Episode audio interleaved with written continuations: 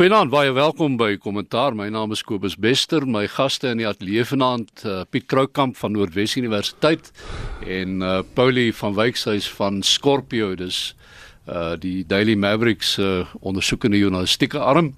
En dan op baie kort kennisgewing uh, in Potchefstroom praat ons ook met uh, Theo Venter van Noordwes Universiteit en uh, ons gas wat uh, sou op die paneel gedien het vanaand moes ongelukkig weens persoonlike omstandighede op baie kort kennisgewing onttrek. So dit is ons drie mense op die program vanaand en dit is 'n week propvol nuus geweest en ek dink kom ons begin met grond en uh uh Piet 'n interessante gesprek. Die eerste ene was natuurlik die uh die agri leiers agri Suid-Afrika en die mense wat met die presidentsie die president en die visie president gaan praat het uh en mense wat sê dis belovend. Ja, ek dink uh baie mense sê dis belovend. Ek dink uh, landbou self sê dis baie belovend. Uh vir my die belangrike ding was uh dat die eerste plek dat die vergaderings plaasgevind het en die tweede ding uh hoe daarop gereflekteer is daarna. Ek dink Rolf Meyer het onder andere gesê dat Dan Kriek die president baie beïndruk. Uh wat vir my sê dit uh, Dan Creek moes op 'n of ander manier moes hy 'n relaas gelewer het wat die president gesê het ek kan met hierdie man besigheid doen. En dis baie belangrik want uh, tot nou toe het mense die gevoel gekry landbou word nie werklik betrek by die grondgesprek nie. Asof hulle buitestanders is.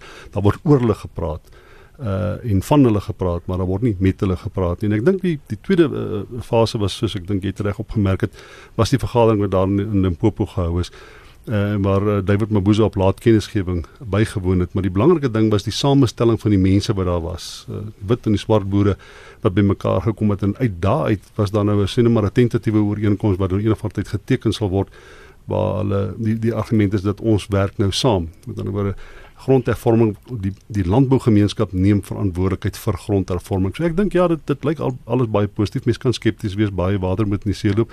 Ek dink daar's agtergrondmateriaal waarna mense moet kyk. Ek dis baie duidelik dat die president probeer om die gesprek wat in die uitvoerende komitee plaasgevind het oor grond te skuif na sy kabinetskomitee met ander woorde sy interministeriële komitee omdat hy dink hy het daar 'n beter 'n redelike kans om om sy agenda uh, deur te druk. Uh, ek dink ons moet ook mooi kyk in die agtergrond wat gebeur tussen die verskillende partye. Ek weet Julius Malema het hierdie week onder andere vir in 'n stil gesprek het hy vir die president gedreig gesê dat indien julle die grondwet op 'n manier herskryf wat nie korrespondeer met dit wat ons kan verkwansel weer in ons uh, steenbasis nie met julle onthou hoef ons nie noodwendig saam julle te stem om daai grondwet te verander nie. Wat beteken is julle dan nie 'n 2/3 meerderheid nie en julle sal natuurlik julle steenbasis baie teleurstel as julle dit nie het nie. So ek ek dink dit en dan ook gegee die die die die die komitee wat besig is om te kyk na die moontlike verandering in die grondwet. Daar's baie baie dinge wat gebeur, maar ons is beslis hierdie week op 'n beter platform as verlede week. Matthieu, wat sou jy sê wat as jy nou moes raai wat hoe het uh, Dan Creek en hierdie ouens wat sou hulle uh, boodskap gewees het wat wel die presidentskap tevrede gestel het op 'n indruk het. Kyk, ek stem grootliks saam met wat Piet nou gesê het. Ehm um, ek wil net twee goed twee goed bysê. En die een is dat wat ons nou sien is die resultaat van baie uh, gesprekke agter die skerms. Dis nie iets wat net verlede week gebeur het nie. En die tweede ding is dat uh, daar 'n bepaalde proses eintlik nou um, na vore tree veral teen die agtergrond van onteiening sonder vergoeding wat die hele gesprek oor grond eintlik um, versnel het, die onsekerheid verhoog het en eintlik die regering se onvermoë gedemonstreer het oor die afgelope 20 23 jaar om konstruktief um, iets van die tafel af te bring. So al hierdie goed saam dink ek werk op hierdie hierdie laaste week of twee en hierdie komende week is daar nog steeds sulke belangrike vergaderings maar ek dink kortliks wat Dan Kriek gesê het en hy het dit by een of twee ander geleenthede ook gesê en die die dit herhaal aan die president is die eerste een dat die boere van die land die die die die produsente verstaan die morele en die etiese vraagstuk rondom grond. Hulle verstaan dat daar moet 'n oplossing kom. En hierdie oplossing is nie noodwendig 'n 'n 'n oplossing wat net een kant kan bevoordeel nie. So ek dink die hele hele gesprek en veral die gesprek oor oor die hele ehm um, uh ontstaan van ehm um, die die die gronddebat van 1913 af en en verder en dat daar sekere dramatiese goed eintlik gebeur het in 'n periode 50, 60 jaar gelede waarvoor ons die prys nou eintlik betaal. Ek dink daar het 'n daar het 'n ehm 'n ooreenkoms ontstaan in terme van hoe kyk ons na die probleem en daar is dieselfde vraag gevra, hoe los ons die probleem op? Nie ehm um, die, die tipiese gesprek wat ons in die sosiale media sien of in die koerante of tussen belangegroepe, wie se skuld is dit en wie het nie dit gedoen nie en wie het nie dat gedoen nie. Die die hele die hele proses is eintlik gereframe, geherkalibreer om 'n ander vraag te vra en dit is wat is die oplossing? Maar nou sit ons met uh soos Piet net nou gesê het, ons sit met Julius hulle aan die een kant, die EFF en aan die ander kant sit ons ook met TLU wat gesê het nee wat, hulle skop dwars, hulle hulle teken geen ondernemings nie. Ek dink is in hierdie geval waar ons baie versigtig moet wees aan wie ons ons ore uitleen. As ons gaan kyk na hierdie Limpopo vergadering in die toekoms van ons land en van die grondgesprek, dink ek gaan ons besef dat as ons oor 5 jaar terugkyk, gaan ons weet dat hierdie 'n kenmerkende gesprek was en dat hierdie die gesprek was wat werklik die toekoms verander het. Ehm um, Agri SA kort eintlik al ons ondersteuning hier. As jy na hulle luister en en ek is seker jy sal met my saamstem Piet. As mens na na Agri SA luister dan kan jy hoor hulle is hulle deurdenkte ehm um, uh, argumente. Hulle hulle is nie ehm um, emosioneel oor dit wat hulle sê nie. Hulle praat met feite en hulle feite is gegrond in die werklikheid en dit is baie belangrik. Waar ons die EFF aan die een kant en Afriforum baie keer aan die ander kant het wat wat feite lekker losweg gebruik soos wat dit hulle in die oomblik pas. Het Agri SA baie duidelik gesê, hier is waar ons staan en hierdie is die werklike feite en ons praat vir boere, maak nie saak watter kleur hulle is en waar hulle boer nie. Kom ons almal werk saam hier want baie boere het natuurlik of of baie kom ons stel dit anders, baie mense wat wat sê hulle wil grond hê of hulle wil ekonomiese bevryding hê, wil nie noodwendig die grond hê nie. Daar's eintlik iets anders wat hulle graag wil hê of hulle het 'n heel totale wanopvatting van dit wat grond vir hulle kan gee. Nou wat wat belangrik is dan hier is dat hulle hulle self so ver gekry het om die raadgewers van die presidentskap te wees. En dit is uitsonderlik belangrik waar hulle nou die absolute oor het van die presidentskap en van meneer Mabuza. Ehm um, kan ons dan op hulle staat maak om om 'n sekere 'n sekere breër perspektief ehm um, namens verskeie mense te bring en en eh, 'n uh, perspektief wat nie gelaai is op wat jy op sosiale media gaan lees nie. Ek dink verder vir ons vir ons luisteraars is dit baie belangrik om te besef dat jy nie jou ore moet uitleen aan die geraas en die emosie van dit wat op sosiale media aangaan nie. Op sosiale media skree ons graag op mekaar agter skuilname. Ons ons ons uh, skree graag op mekaar waar ehm um, sonder om te luister na wat die ander persoon se probleem is. En ons moet ook onthou dat die grondkwessie kom uit 'n baie lang en seer geskiedenis. Uh as ons kyk na die 1912 wette die, die 1946 wette, hoe hoe grond werklik um uh, uh deur middel van wetgewing geallokeer is aan 'n sekere groep en hoe gesinne afgebreek is en uitgebreek is waar gesinne as uh, jy weet glad nie meer by mekaar gebly het nie. As dit as dit um die die effek daarvan sien ons steeds vandag.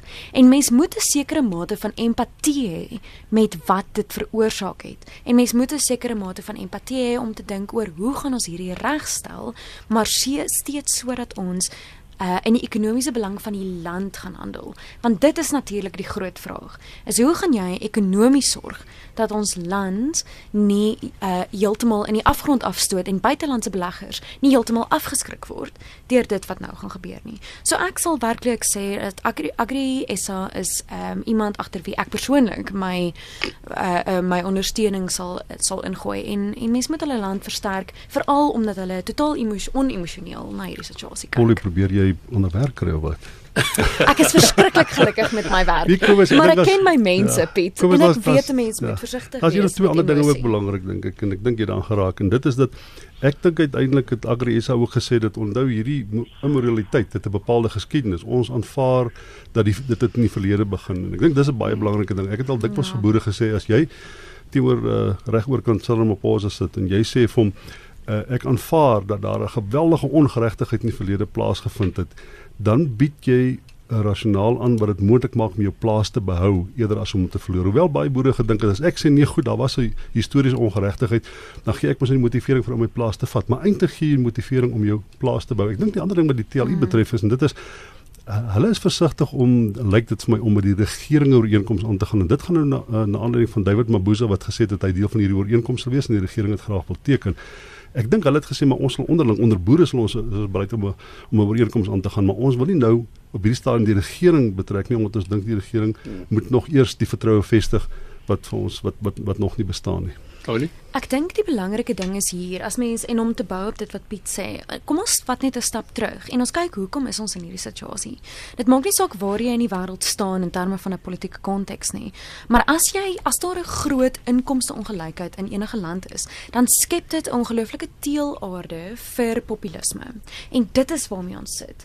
Die die die vraag hier is nie noodwendig net oor grond of net oor inkomste of net oor fees must fall en en en universiteitsfooie Dit is nie waarmee ons sit nie. Ons sit met populistiese uitsprake as gevolg van 'n inkomste ongelykheid. En as mens nie die, die wortel van die huidige situasie verstaan nie, gaan jy nie die politiek verstaan in jou hele lewe nie. Maar nou uh toe toe uh tree ander man toe nou ook tot hierdie debat in in en uh, tot die groot verligting ek is seker of verstommenis van baie. Hulle is toe die Amerikaanse president wat sê nee, hy gaan nou vir Pompeo sê maar bietjie ondersoek instel na wat daar in Suid-Afrika aan die gang is. Ja, hy het hierdie week 'n baie baie moeilike week gehad en uh, sommer van sy probleme na ons kant toe ook gekaats.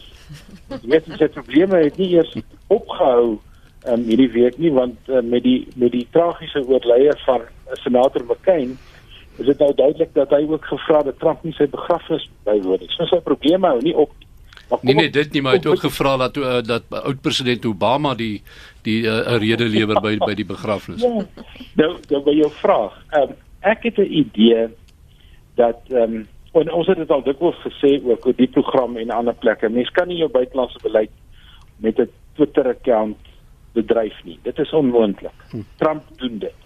En die tweede ding is hy leen sy ore uit na wat sy belangrikste bron is en sy belangrikste bron is nie sy departement van buitelandse sake of sy intelligensiegemeenskap nie dis Fox News. Dis 'n dis 'n TV kanaal. Dit is 'n ideologiese posisie wat ehm um, hulle inneem in Amerika en Trump eet dit natuurlik vir soetkoek op. En ek dink dis waar sy boodskap vandaan kom maar ek dink ons moet Trump se boodskap alhoewel ek dink ehm um, dit is verkeerd en dit bring net onnodige spanning mee dink ek tog ons moet onthou dat Trump sou dit nie gesê het as daar nie eers 'n kwesbaarheid was in die Suid-Afrikaanse opset nie. Hierdie hele debat wat ons voer, die hele kwessie van onteiening sonder vergoeding, al sê ons nou dat uh, Ramaphosa speel die lang spel en dat ehm um, uh Julius Malema het 'n ander motief en so sal die ding stadig maar seker sy lê plek kry, maak dit ons kwesbaar.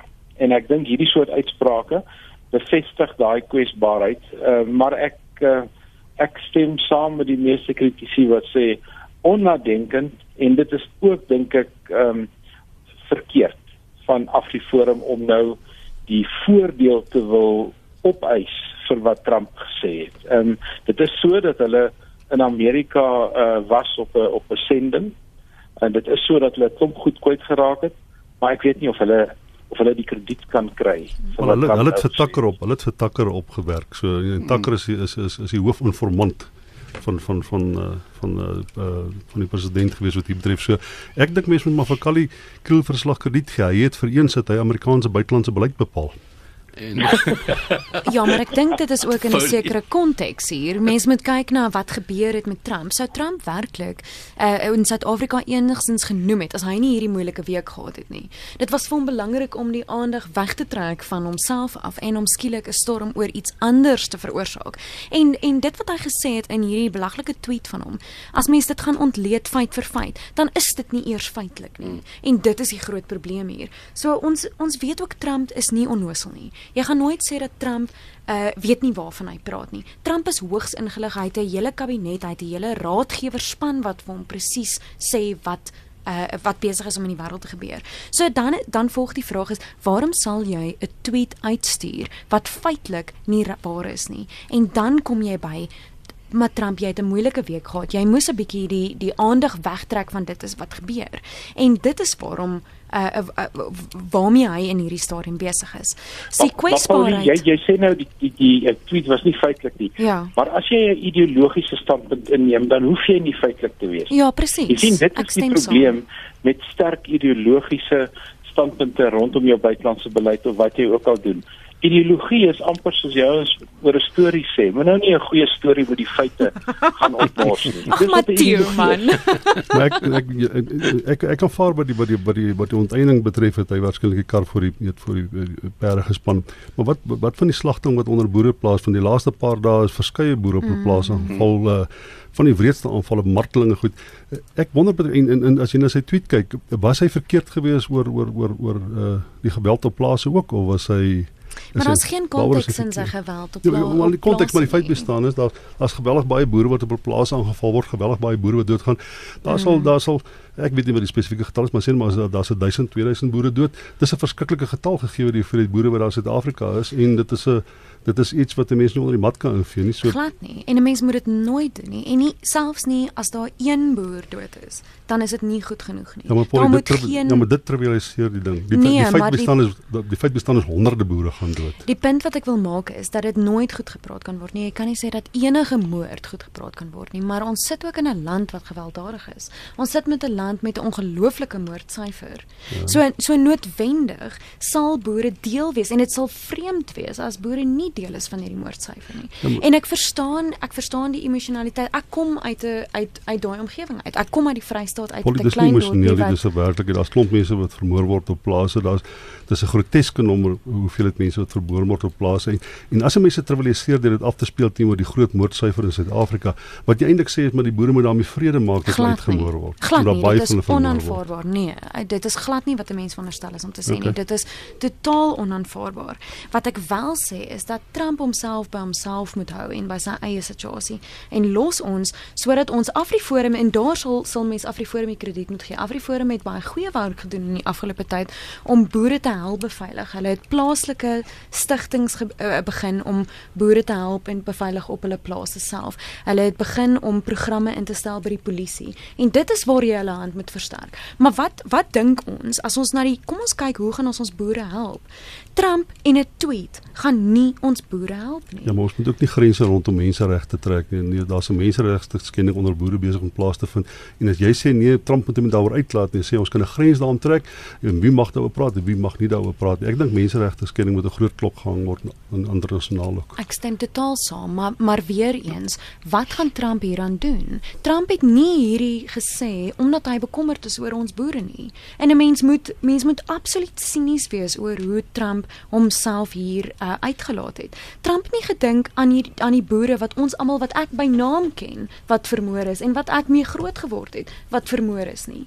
Dit is nie waant wie aan wie Trump gedink het toe hy hierdie belaglike tweet uitgestuur het nie. Hy het gedink aan sy eie situasie en in Amerika. Ons moet eerder ons plaaslike mense hier adviseer en help en hulle hand versterk om ons boere um uh, te beveilig op plase. En ons moet sorg dat ons mense kry wat saam met mekaar werk. Ek meen daar was hierdie week is 'n ongelooflike storie wat ek vir my eie familie aangestuur het wat waar 'n swart boer gesê het naby Kreersdorp in die Gauteng area hoe sy hoe sy plaas in die aand aan die brand gesteek is en hoe daar boere van die omliggende omgewing na hom toe gekom het om hom te help uh, om hierdie vuur te blus.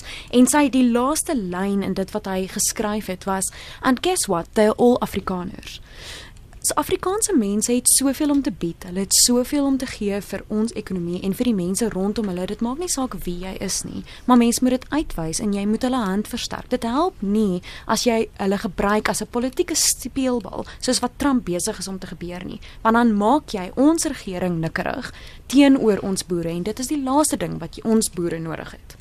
Nou ja, kom ons gaan nou ons bly by die regering natuurlik. Cyril Ramaphosa ons president want uh, deel van ons het nou Trump se uitsprake gehad, maar die feit is die president word op die oomblik uh, daarvan beskuldig dat hy ook verwarring saai want hy uh, afhangende van sy gehoor wat hy het, sal hy een ding sê ehm um, daar weet hy sy werksaam met die boere en so aan dan die volgende ene sê daar gaan onteiening wees en uh, die ding word nooit heeltemal lyk like dit vir my in konteks geplaas en deeglik bespreek nie. Kobus waar die president 'n fout maak is in eerste plek hy skep die indruk dat jy en, en, en ek dink dis baie goed dat grond geprivatiseer word dat mense deeltitels en kaart en transport kan die hele lot.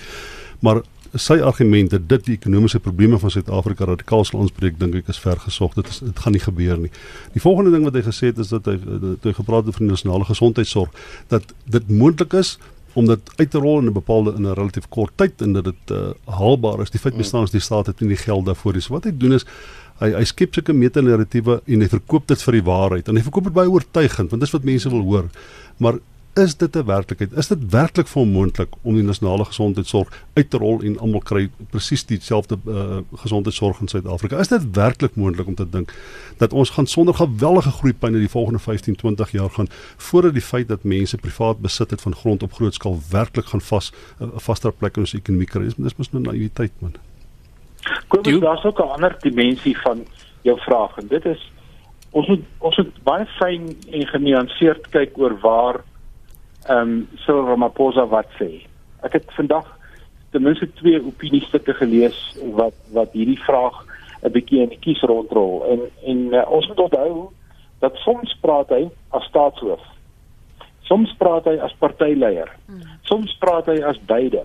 En en baie keer moet 'n mens mooi onderskei van waar hy sê en en as ons nou na vandag se se Sondagkoerante veral kyk dan is dit duidelik die vraag is maak hy hondhaar af met beleid.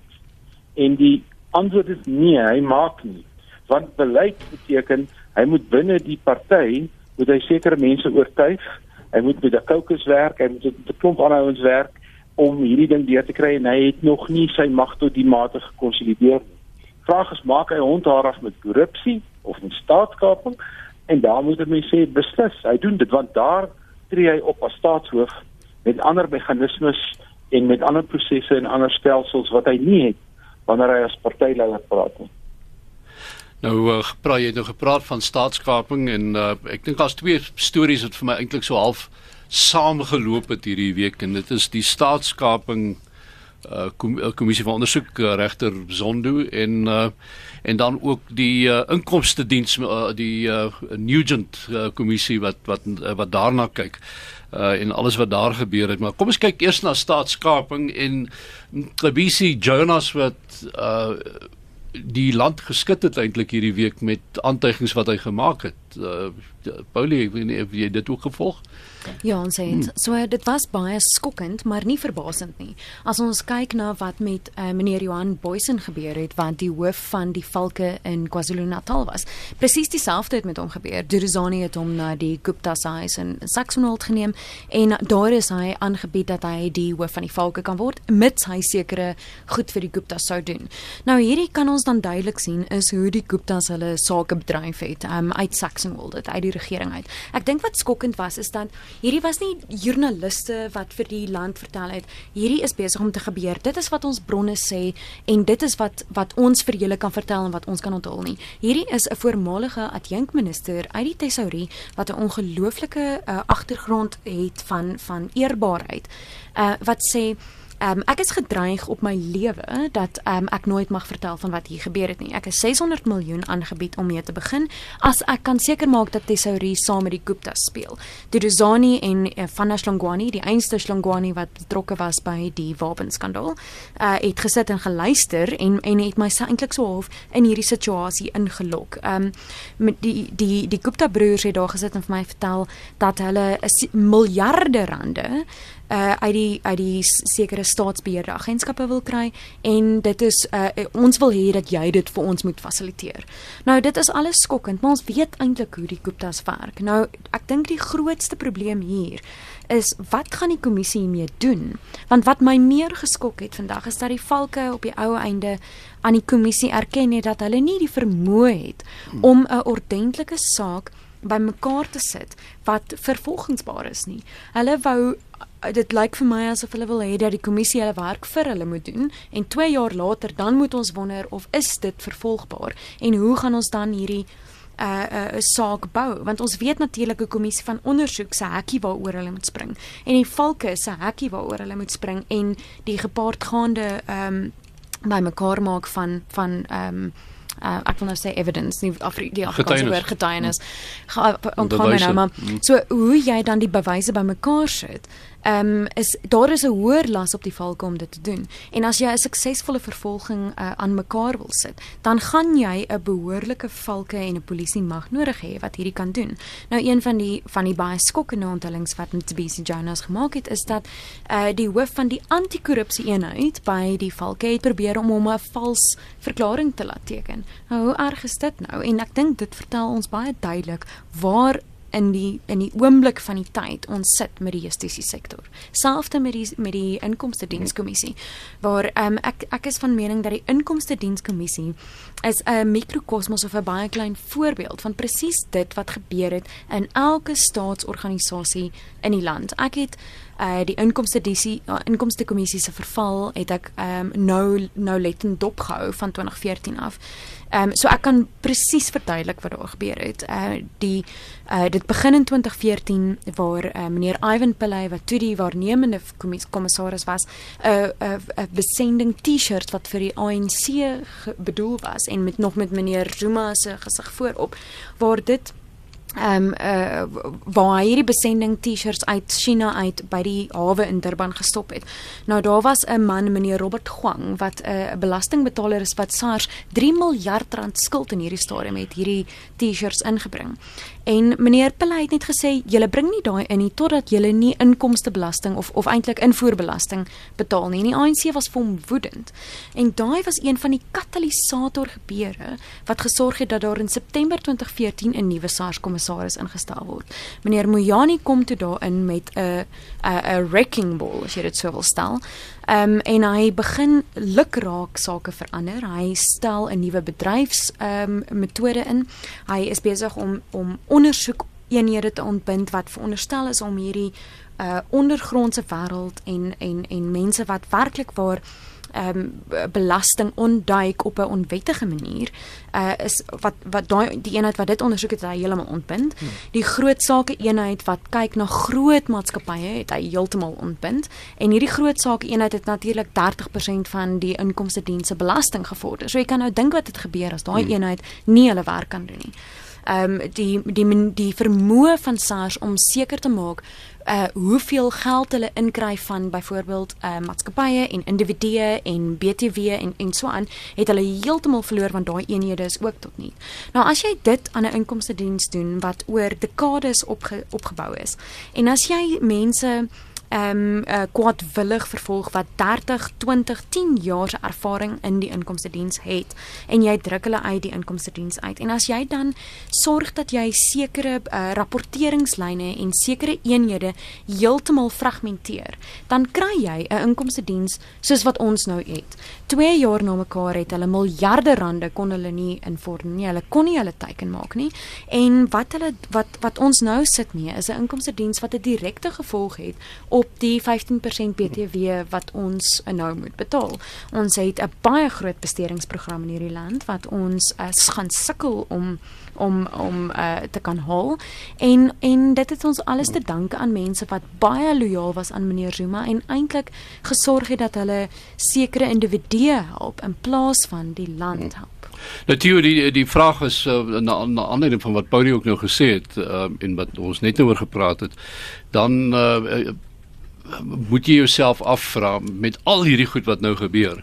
Ons het ook nou gehoor uh, daar was ook 'n ander storie vandag in die in die rapport en elders oor die Gupta sake wat aan die wankel is, die Gupta hmm. verwante sake omdat hulle nie buitelandse uh, medewerking kry by regering se goed wat hulle daar nodig het nie omdat die interne stelsels afgebreek is soos Paulie ook nou gesê het. En dan moet mense jou dieselfde vraag afvra waar gaan ons oor 2 of 3 jaar of 4 jaar staan? Gaan daar enige iemand uit hierdie groep uit gaan die die die die groot leiers hier uh, wat wat wat die groot leiers van die skelms gaan hulle gaan enigiemand tronk toe gaan Ja, dis 'n baie belangrike vraag of iemand aan die pen gaan ry en ek dink ons moet begin by 'n baie belangrike gebeure die laaste 2 weke en dit is toe Shaun Abrams uit sy pos onthef is deur die howe en die president 90 dae gekry het om 'n nuwe um, direkteur van die nasionale vervolgingsgesag aan te wys. Ons moet onthou dat dokter Ramahite is maar net 'n plekhouer totdat iemand aangewys word. Dit is 'n kritiese aanstelling wat moet wat moet plaasvind. Die tweede plek is natuurlik dat hierdie sake soos die Estina saak en twee of drie ander wat genoem is, is hoogs gesofistikeerde sake wat mense vereis, regsgeleerdes wat spesiale ervaring en lang tye daarmee gewerk het. Hulle het natuurlik die diens van die nasionale vervolgingsgesag verlaat of dit is vir hulle onmoontlik gemaak om te bly. Gerry Nel is 'n voorbeeld um, van van die soort kapasiteit. En as jy enigstens iemand aan die pen laat ry, het jy daai soort kapasiteit nodig en ek dink dit is eintlik die noodkreet wat ons op die oomblik hoor. Ons sal moet mense kry om ons het, ons te help vir die president om op die diplomatieke vlak ehm uh, druk uit te oefen sodat die Gupta's terugkeer hiernatoe of wat ook al. Ek dink dit gaan nie soveel sukses hê nie. Dit gaan eerder die sukses van die ondersoek gaan lê by ons interne vermoë om dit te verbeter en beter toe te pas. Maar ek is sinies ek dink mense gaan aan die pen ry en ek dink ons sien op die oomblik veral ek stem met Paulie saam soos wat mense getuienis lewer voor die twee kommissies en daar kom nog 'n kommissie oor die openbare um, uh, beleggingskoöperasie uh, daar is tans 'n kommissie waarvan ons nie baie hoor nie wat uh, om SSA ondersoek. Julle sal toe daar is hmm. ook 'n kommissie ingestel wat kyk wat daar aangaan. Uit hierdie kommissies gaan daar noodwendig politieke gevolge kom, maar ek dink nie ons gaan geld terugkry uit hierdie ondersoek uit nie.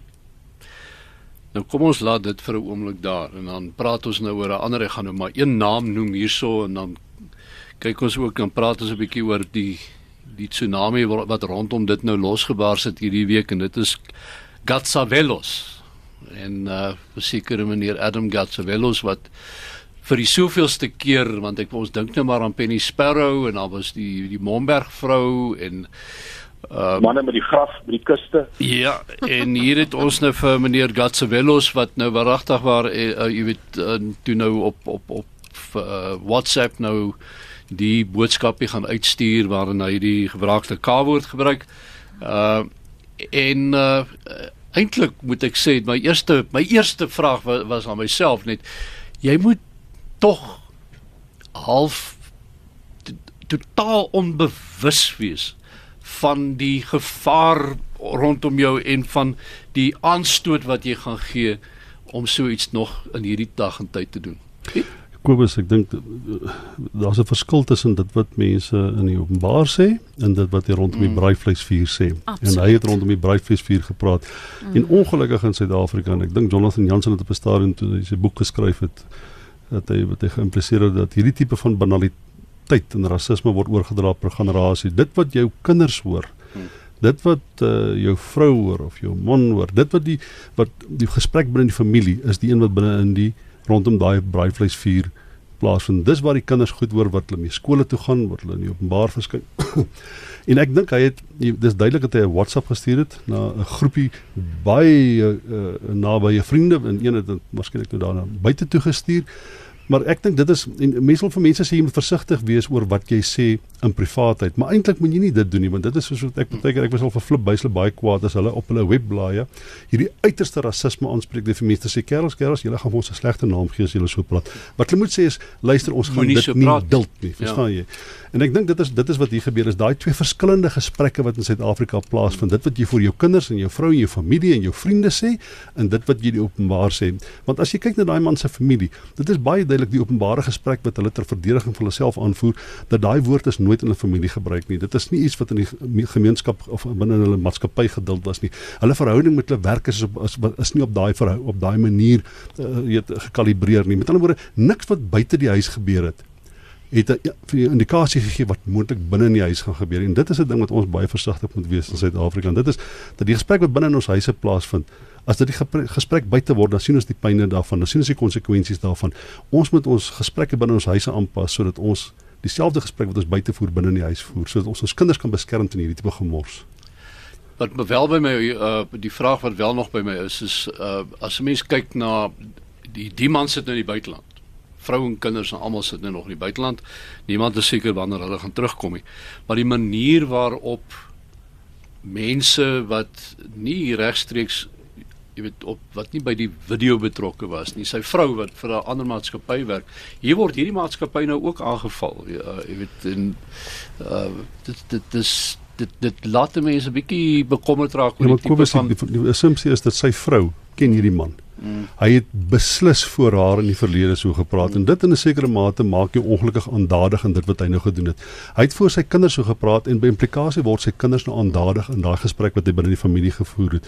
En en dit is die gevaar van die ding. Jy maak aan jy betrek ander mense. Dit is nie ons moet nie nou vir die EFF kwaad wees omdat hulle gaan eh, by sy huis gaan en, en sy vrou intimideer nie. Ons moet vir hom kwaad wees omdat hy die omstandighede geskep het waar ander mense moontlik is om om so op te tree. Hmm.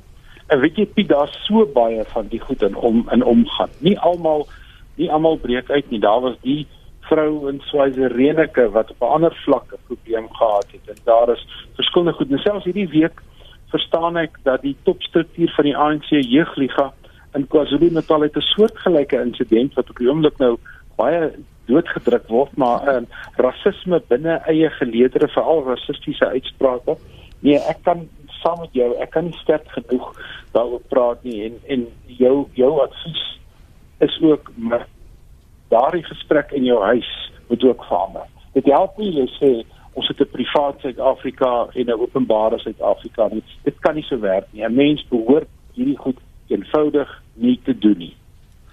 Nou uh, ons praat oor sosiale media. Kom ons gaan terug na die Twitter koning toe meneer Trump wat uh, toe nou ook nou 'n interessante ding gedoen het Vrydag. Ehm um, het op die laaste oomblik toe sy minister van buitelandse sake sou vertrek na Noord-Korea toe. Uh en ons weet nou al die gesprekke wat daaroor aan die gang is oor die uh, kansellering van hulle of van hulle uh, kernprogram en so aan. Op die laaste oomblik uh, is meneer Pompeo se besoek gekanselleer, Theo. Ehm um, wat 'n interessante verwikkeling is, miskien ook net om te sê dis ook nie alles vreedsaam in Vekieland nie.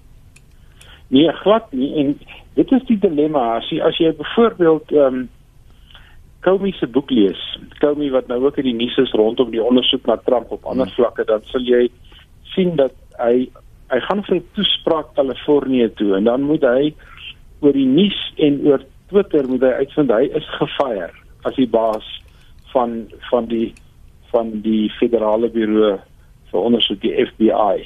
En hoe Trump dit regkry en en daar's nog iemand wat hierdie naweek dink ek 'n slegte naweek het en dis meneer Jeff Sessions want as jy mooi na na Trump se uitsprake en na sy tweets kyk dan is hy glad nie gelukkig met sy noem kos hom maar in ons taal die minister van justisie nie sy uh sy sy hoof sy hoof aankla dit is asof hy Sessions kwaliek neem dat hy nie vir hom in die bresse tree nie en Pompeo is net op sulke ding hy's ek het byvoorbeeld gedink die vorige minister van buitelandse sake was 'n goeie minister van buitelandse sake. Man met wye ondervinding in die oliebedryf en al sulke soort van dinge.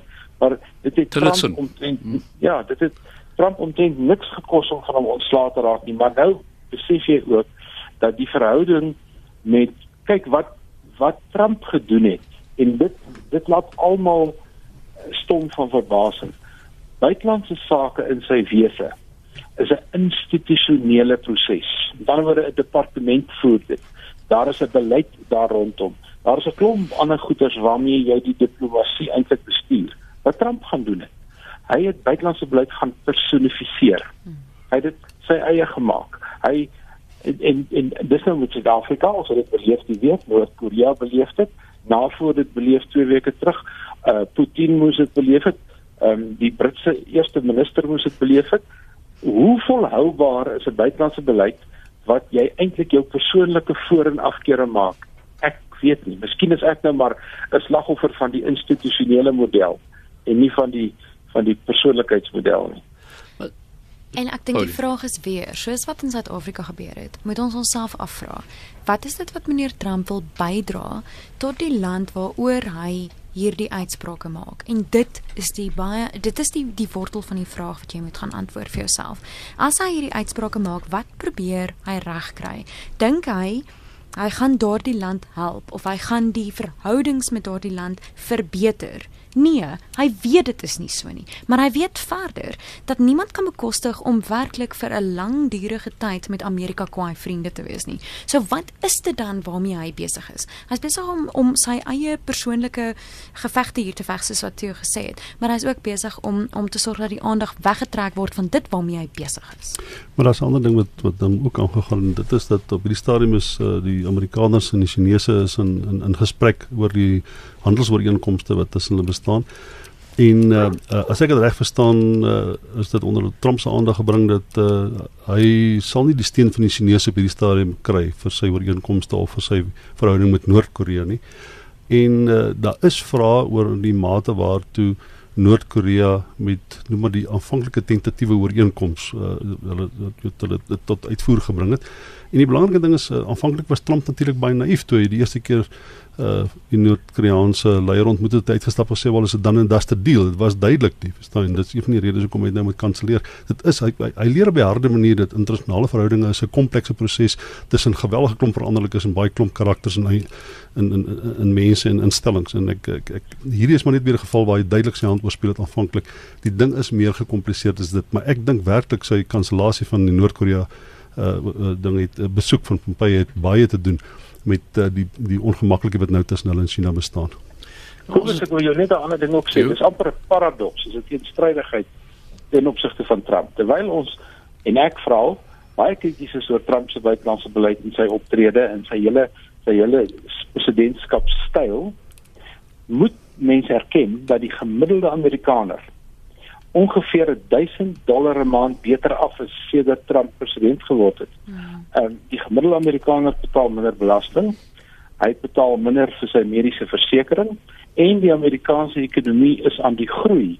So dis die paradoks waarmee ons sit met Trump. So al het hy al hierdie persoonlikheidsissues en al het hy hierdie groot vraagstukke wat rondom sy kop hang, dink ek die Amerikaners omdat dit beter gaan met hulle, wat het Clinton vir ons gesê? Die economy stupid. Maar gaan hulle waarskynlik op daai basis ja. weer in Desember maand stem. Hoe volhoubaar dink jy is dit? Hoe volhoubaar dink jy is daai gevegte met die buiteland en dan 'n 'n goeie groei in die binneland? En en ek het nie die antwoord nie, dis kom ek jou vra.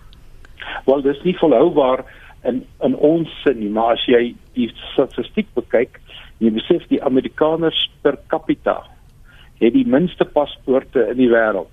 So die gemiddelde Amerikaner het nie nodig om rond te ry in die wêreld nie. Hy het nie nodig om te reis nie. Die gemiddelde Amerikaner is geweldig na binne gerig in terme van hoe hy die politiek sien. So die buitelandsbeleid is vir hulle ver weg en dis Washington se probleem.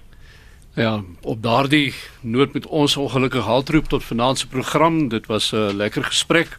Ek sê baie dankie aan die paneellede, Theo Venter daar van Noordwes Universiteit Potchefstroom. Piet Kroukamp ook Noordwes Universiteit wat uh, by ons in die ateljee was en Paulie van Wyk van Scorpio, uh, dis uh, die ondersoekende journalistieke arm van die Daily Maverick.